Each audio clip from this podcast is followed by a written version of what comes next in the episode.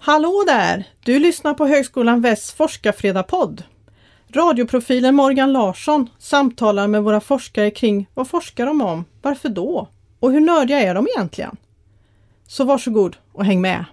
Välkomna till Forskarfredagspodden. Mitt namn är Morgan Larsson och med mig idag är Annette Bolin. Eh, kul att ha dig här.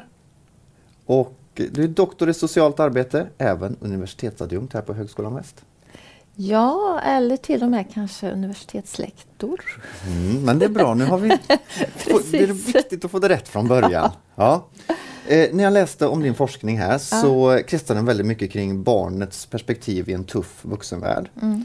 Eh, till exempel handlar det om barn och ungas erfarenhet av att föräldrar blivit arbetslösa och mm. förlorat arbetsinkomst och sådär. Mm. Är det här huvudådern i din forskning eller hur skulle du beskriva din forskning med några meningar och enkla ord? Ja, alltså det jag forskar på är barn och ungdomars, kan man väl säga, tankar och förståelse av vad vuxna gör. Eh, och framförallt då eh, utifrån eh, att de kanske befinner sig i lite utsatta situationer och sådär. Vad gör vuxna som får betalt för att hjälpa dem? Och hur förstår man det? De, mm. ja, det är väl huvudspåret alltså som forskning. socialarbetare? Och socialarbetare, sådär. kanske lärare, kuratorer, poliser. Ja, olika vuxna som får betalt. Och sen det andra som jag också är väldigt intresserad av det är ju då hur de vuxenvärlden organiserar det här stödet. Mm. Och eh, min ambition är ju att ta fram någon slags systematisk kunskap om hur unga och eh, upplever vad de vuxna gör så att man tar hänsyn till det när man ska organisera stöd. Det vill säga, till exempel att ja, men vi vill att det är kvällsöppet eh, på barn och ungdomspsykiatrin mm. och helgöppet och jag kan gå dit och träffa någon då jag behöver det. Ja, det. Tillgängligheten av, av vuxnas stöd så att säga. Mm. Mm. Hur, hur, det här är väl en stor fråga, men hur skulle du säga att ungdomar och barn ser på detta? Som hamnar i en sån här situation. Bara väldigt kort så här, eller? Går ja, det att förklara? Ja, väldigt kort så utifrån de studier jag har gjort då i alla fall så skulle man väl kunna säga att ungdomarna, alltså tillgängligheten, att få tag på någon när jag behöver den och hinna med och träffa dem som eh, kanske ska hjälpa mig och sådär. Så tillgängligheten och sen, eh, det har stor betydelse. Och också hur man får tillgång. Alltså kan man smsa? Eh, kan man facebooka? Kan, alltså kan man kommunicera på ett sådant sätt som har hög igenkänningsfaktor hos de unga och mm. barnen. Ja, eh, som vuxen så är ju det eh, bra. Men också tillit. Och det kan vara att man faktiskt som en kille i en intervju han litar på personal som skulle hjälpa honom på behandlingshem var det här då. Eh, om de hade invandrarbakgrund till exempel. Mm. För det tyckte han eh, eh, han ville hjälpa till. Han ville liksom, de, de är så ändå utsatta i samhället så då, då, då kan man säga öppnade han sig och pratade och lät dem hjälpa honom. Ah, okay, ja. Av den anledningen. Men eh, eh, de vuxna eller jag hade en tjej. Jag vet. Då kände han att han kunde tillföra någonting för dem också? Ja, och precis. Då blev det som en bro. ömsesidigt. Mm. Precis. Och jag vet en tjej som då när jag jobbade som socialarbetare som skulle träffa en psykolog och vi träffade uh, henne. Då, då gillade hon henne för hon hade blommiga byxor. Och då, så, så att man får en annan... Jag, I forskningen säger jag att ungdomen gör sin egen organisationskarta av hjälpare utifrån sina premisser. Mm. Så. Och, och, det ena kan ju vara som någon eh, kunde inte ha så mycket hjälpare i sitt liv för att han hann inte. Han hade skolan, och, han hade, skolan, han hade eh, kompisar, fotboll och sådär. Och är det så att du har sociala problem och det har hänt någonting då kommer det oftast många vuxna som vill hjälpa dig från skolan, från psykiatrin, från eh, socialtjänsten och sådär. Så, så, så blir man det får... för mycket av det goda? Ja, han fick sätt. välja. Ja. Eh, de, väl, de får välja då och jag skriver om det här att man väljer in folk som man vill ha hjälp av beroende på om man hinner träffa dem. Eller att man tycker de gör något som är bra för en. Så, alltså min forskning handlar mer om att systematiskt ge en bild av hur barn och unga upplever vad de vuxna gör. Och sen ska vi använda den kunskapen när vi organiserar stöd. Mm. Så, det, så kan man väl säga det. Det är klart att det är viktigt. Det är, jag förstår att det måste vara många aspekter om det är en sån där grej som, ja det är blommiga byxor, det var det som gjorde det. Mm. Att man verkligen förstår barnens, ungdomens perspektiv. Ja, precis. vad är det mest spännande tycker du med din forskning? Alltså det är ju det är ju väldigt, väldigt roligt att få, få lov att prata med barn och unga på det här sättet. Alltså de har ju aldrig träffat mig. Vi sätter oss ner och jag ställer frågor och de berättar när de upptäcker att jag vill höra vad de tycker om de vuxna. Det, det, det är, varje gång så, så det tar fem, sex minuter. Så, är det en sesam öppnare? Ja, det är det. Varför är det så tror du? Ja, för jag är inte intresserad av deras liv och deras eh, bekymmer om jag nu säger Nej. så.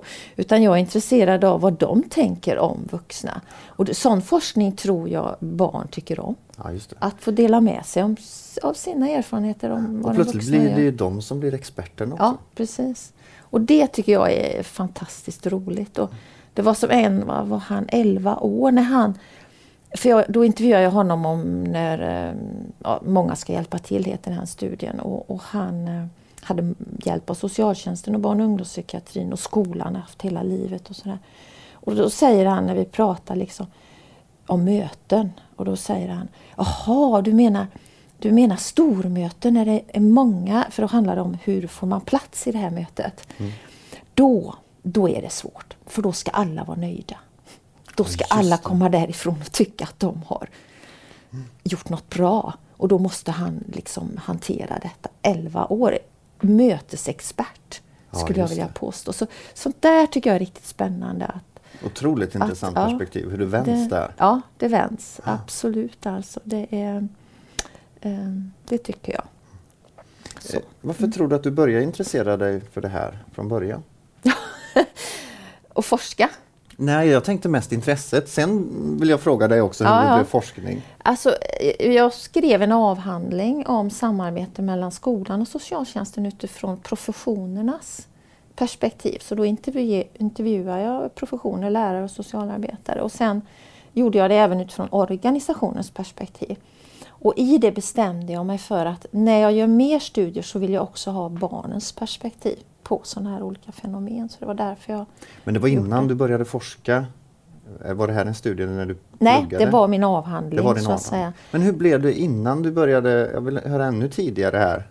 Du måste ha dragits in lite och blivit intresserad av detta med ungdomar och ja, lärande? Jo men, det, jo men det, jag är en barnvänlig person. jag har jobbat som socialsekreterare i ungefär 12 år innan och, haft, och, och sen jobbade jag i ett folkracegarage i, här i Trollhättan i sju år ungefär. Och Folkrace? Ja, och umgicks med unga tisdag och torsdag och på helgerna och sådär. Och, och, jag har märkt att jag gör ett bättre jobb när jag jobbar som socialarbetare då jag umgicks mycket med unga och, och, och pratade mycket och förstod liksom deras perspektiv på saker och ting. Alltså det finns ju teorier om detta också som man lär sig som socialarbetare eller socialpedagogiskt arbete som jag sysslat mest med. Och det är ju den här att, att du kan liksom inte göra någonting för någon om du inte vet hur den personen har det i sitt vardagsliv. Och då handlar det om de här vardagslivssituationerna. Ja. Så du kommer från den praktiska världen ja, och, och sen över i den teoretiska ja. men ändå på något sätt har du bevarat kvar den praktiska delen också? Ja, jag gör ju sånt som kallas en, ja, forskning, eller snarare praxisforskning, nära fältet forskning så att säga.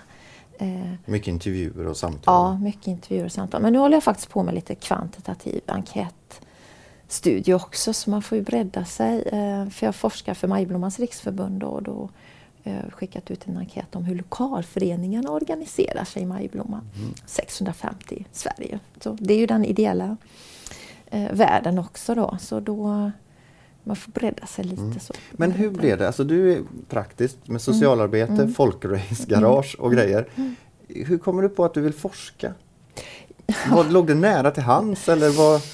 Ja, alltså både och. När man tittar efter så kan jag ju se att det kanske gjorde det. Men, men det, jag sökte jobb på högskolan eh, för jag inte hade fått ett annat jobb jag hade sökt. Och så annonserade de och då höll jag på med en magisterexamen så att säga i socialt arbete. Och sen kunde jag ju se att eh, när jag jobbade i Folkrace-garaget att eh, när mobilerna kom i slutet på 90-talet, eller ja, kan det ha varit 96, 97 när alla började ha dem. Jag mm. fick en mobil för typ ett år sedan alltså, så det har inte varit min stora grej. Eh, och då ehm, var det att ungdomarna kom och berättade att de hade varit uppe på NÄL För de hade, någon hade tänt eld på en bil klockan tre på natten. Och då, då vet jag liksom, men, men hur visste ni att det var? Och då säger de, men mobilen.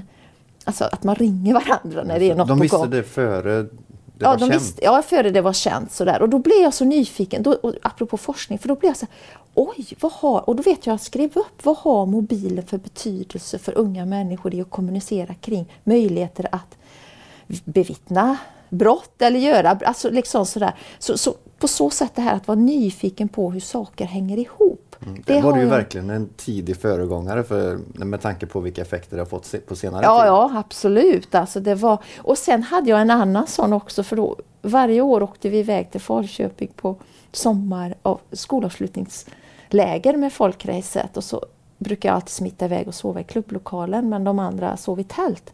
Och då en natt så växer jag av för då regnar det och det blåser och då kommer några ner till mig och säger att deras tält blåst bort. Så jag får ta en bil och köra upp för att leta rätt på deras grejer. Och när allt är klart och äng, så, så är mobilen borta och de vägrar lämna. De måste ha sin mobil med sig. Så då fick vi väcka några andra som skulle ringa och då var också så här, vad har den här prylen för, för djupare betydelse för de här unga människorna? tyckte jag var jättespännande. Men då hade jag inte börjat forska. Men det här Funderandet. funderandet och, ja. har nog funnits med faktiskt. Och så gick det från magisterexamen till att eh, fortsätta och tränga Ja, djupare. för ska du jobba här så måste du liksom, eller måste och måste, men, men det finns ju ganska goda incitament lönemässigt och arbetsinnehållsmässigt att också gå forskarutbildning. Då, så. Så då. Men då fick jag inga pengar till att forska om folkrace för det var det jag ville som metod för att jobba med ungdomar. Så då fick jag leta rätt på var finns det pengar och då blev det samarbete. Det här märker man ju att du är väldigt i- kontakt med den verk du jobbar i en verklighet på något sätt. Mm. Har du märkt några effekter som din forskning har haft? Nå- Några konkreta grejer på verkligheten? Ja, det beror på hur man, hur man tänker om det men jag har ju fått mycket förfrågningar och varit ute och pratat om forskningen bland yrkesverksamma. Eh, och får många förfrågningar eh, att vara med och kanske vad ska man säga, resonera om hur man kan tänka när man ska organisera stöd på olika sätt i förhållande eh, inom skolområdet. Och, För att förstå barnen och Ja, ungdomarnas precis. perspektiv. då. Ja, precis. Så, så, så på så sätt får det väl någon slags effekt förhoppningsvis. Men jag har ju inte följt, ja, och vad gjorde de yrkesverksamma med den här kunskapen eh, fullt ut då? Det har jag inte. Men eh, ett intresse finns det absolut, det Mm. tycker jag. Eh, när du berättar om din forskning typ, för en vanlig människa som mig Mm. eller vem som Mm. helst, är det någonting som de brukar haja till över? Någon detalj eller något resultat, något du har sett?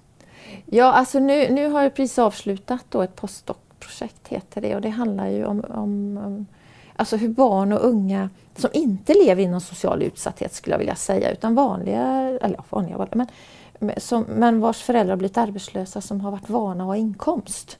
Mm. Men man har lagt ner en större industri och då har jag varit i fem olika mm, vad ska man säga, kommunområden då. Så, ja, Kan ha varit Trollhättan, kan ha varit Just eh, Säffle, kan ha varit Uddevalla. Alltså men det är föräldrarna liksom har plötsligt olika förlorat sitt jobb. ja, sin inkomst då. Och då, då, det tycker ju, vad ska man säga, i vanliga sammanhang så folk är intressant för det kan ju drabba vem som helst. Det är svårare kanske att prata om forskningen om hur det är när du har växt upp med föräldrar som har haft svårare sociala problem. Men den här studien är ju mer riktat till alla och då, det, det tycker ju folk är intressant. Särskilt eh, när eh, som ett resultat kommer vara, liksom, när de publiceras här nu snart, att, eh, att barnen och ungdomarna tycker att det är rätt skönt med arbetslöshet. För då är det lite godare mat hemma och lite mer städ. Alltså så. Eh, och då blir det ju, sen ser Föräldrarna de ju, hemma mer. Ja, men de ser ju att föräldrarna slits också. Men det blir lite mer, alltså, vad ska man säga, Eh, man får eh, en annan... För, för- för vi vuxna tror jag tänker att det bara är en sån fruktansvärd händelse. Men, men eh, ja, från barnens perspektiv behöver inte allt vara så eländigt. Nej, just det. då, det, där kommer man väl in i barnets perspektiv Ja, också. precis. De har ju kanske inte riktigt koll på det här med inkomst och Nej. lön och grejer utan Nej. i deras värld så är det, ja, det är mer mat eller de, precis, de lag, har mer tid att laga mat och de är precis. hemma. Nej, det var inte så dumt. Nej, Och så precis. finns inte en oro Nej. utan föräldrarna projicerar in den på, eller vuxenvärlden. Ja, eller snarare så att föräldrarna lyckas att behålla det här mm. som är rätt skönt hemma. Men skolan, andra vuxna kan bemöta barnen då. Det är det som jag kommer säga. Och lägger en katastrof ja, på det. Ja, precis. Så det är väl det som jag kommer lägga mer som att man kan vara uppmärksam på som skolpersonal till exempel. Att barnet behöver inte ha upplevt det här som mm. det värsta som har kunnat hända. Det är väldigt intressant. Det vänder ja. på perspektivet. Ja, precis. Det. Bor det nörd i dig? Ja, precis. Uh, ja, det beror på vad nörd är. Men, Någon men, som uh, kan bli väldigt intresserad av ja, vissa detaljer? Alltså, jo, jag kan ju det. Alltså, jag kan ju sitta med en mening, en, en, en intervju liksom, och jag tycker det är så fantastisk och jag vill inte släppa det. Eh, och, och, bara känna en glädje. Hur du ska formulera den här. Ja, precis. Men också att läsa forskning. Det tycker jag är jättekul och hittat en ny artikel. Och som nu, jag kom ner här idag med en ny bok som är en bok om teori i socialt arbete. Det är den första där det kommer en sammanhållen bok om det och det kan jag verkligen tycka är så roligt. Så teori i socialt arbete? Det är ingen arbete. sexig titel, men Nej, för dig? Men, det, det kan liksom få igång mig riktigt ja. ordentligt. Så, sådana diskussioner också. Så, där. Det, så jag vet inte om det är nödigt eller inte. Det men, men det, det, tror du? Det kan vi nog säga. Ja, men det tycker jag är härligt också. Ja. För att jag tror att det är väldigt många som känner igen sig i det. Man har några sådana där grejer som ingen annan förstår, Nej. men man själv bara... Eh, och eh, tror du att... Eh, har du nytta av det som forskare? Ja absolut, alltså det är ju ett inte så glamoröst arbete att vara forskare tycker inte jag utan det är mycket slit. Eh, mycket förarbete innan det blir det som är resultaten som presenteras så att säga. Och då är det klart man har nytta av att tycka att sitta och läsa är roligt och sitta och upptäcka. Alltså du upptäcker ju inte att en världs men det var som jag kom hem någon gång och jag var så lycklig. Jag tyckte liksom och så fick jag någon sarkastisk, jaha så du har liksom gjort nu en sån här världsupptäckt liksom. Världen kommer förändras så. Men det känns så en liten stund. Mm. Men sen försvinner ju det och så bara det går in i det, något vardagligt. Men vi har undervisning också när man jobbar som forskare. Det tycker jag är, är också otroligt givande. För det, det, blir det här, man sitter själv kanske en vecka, en och en halv, två och sen så är du ändå, har du möjlighet att träffa ja, studenter som är intresserade och vill någonting. Alltså det, det är en bra kombination. Mm. Tycker jag. Kan, kan du hitta nya formuleringar och sådär också när du undervisar? Ja, du, när du lägger upp då så får du tänka till. Och det brukar jag testa ibland. Sätt att, att, att, eh, det vet kanske inte studenterna, men jag testar, är det här begripligt? så får man ju liksom, ingen fattar någonting. Nej, så, nej. så kan man, och även konferenser gör, gör, man ofta så att man testar någonting och så Eh, men sen har jag fått en ny dator som håller på och klappar ihop här ibland och då apropå det här, då hade jag liksom formulerat, jag tror det var tre meningar som försvann, jag höll nästan på att dö. Men eh, jag fick, för första formuleringen får du formulera om igen och så lägger du bort det och så kommer du tillbaka och sådär. Och skriva tycker jag är ett svårt hantverk. Det, jag har mycket lättare för att inte vara ute på fält och samla empiri som man säger då. Mm. Men formuleringsarbetet är ju det som är det svåra. Och det är väl det som är intressant med just den kvalitativa forskningen mm. med massa mm. intervjuer. Ja. Finns det någon trend här, någon ja, tendens precis, och så ska ja. du hitta en mening som låser fast allt precis. det där. Så, så det... Men vi har ju sådana här databearbetningsprogram också. Så det är inte bara att sitta för hand. Nej, nej. Sådär, så länge datorn funkar. Ja, precis. precis. Eh, finns det några egenskaper, personlighetsegenskaper du tror kan vara bra om man är lite sugen på att ja, det kanske är något för mig ändå att forska? Ja, alltså framförallt att vara en nyfiken person, tänker jag. Alltså, att tycka att det är spännande när saker inte riktigt flyter på. Eller, ja, alltså, man får leta vidare. Ja, precis. Det tror jag. Och sen slitstark också. För jag tror, alltså det här kanske säger mer om mig än forskningen, men du behöver kanske inte vara eh, vad ska man säga, mest intelligent i hela världen om man ska säga så. För du kan ha väldigt, du kan vara väldigt bright och sådär. Men är du inte tålamodig och slitstark och, och kör på så, så, så, blir det inte så mycket av det. Utan du behöver, men du behöver ju ha naturligtvis eh, intresse för kunskap och vad är kunskap och vilja läsa och lära och, och så. Det tror jag, men du behöver också kunna kavla upp ärmarna och bara trampa på. Men jag gör oftast liknelsen till socialt arbete för mig för att när jag jobbar som socialsekreterare, vilket är det jag har gjort mest, alltså man, det tog lång tid innan det blev förändring. Och det var bara liksom, ja, köra på. Och sen går det bakåt, så går det framåt mm. och, och sådär. Och det är lite som med forskning också. Eh, hur, eh, har du någon dröm sådär? Ja. ja, det var ju den drömmen precis. Uh, uh, nej men jag, jag har, jag, som du sa, jag kommer ju mycket från fältet alltså, och jag har alltid velat öppna en bilverkstad. Det är liksom en dröm jag har och då försöker jag få ihop den.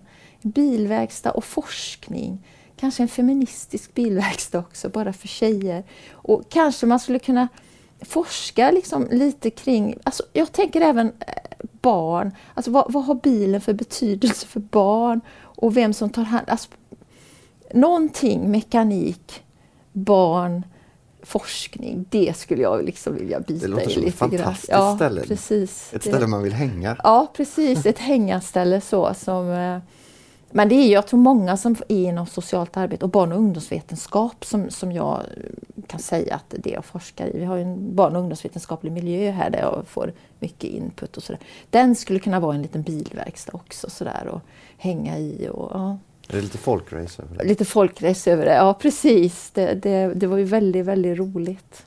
Det ska ju vara kul att forska också. Jag tror att um, det är viktigt. Mm. Mm. Ja, det ska bli spännande att se om det blir den här folkrace eh, Forskningsstationen. Forskningsstationen låter väldigt spännande. och eh, nyfiken och slitstark ska man vara. Ja, det tror jag är två bra ord mm. för detta. Ja, tack så mycket Annette Bolin. Ja, varsågod. Och lycka till i framtiden. Ja, tack.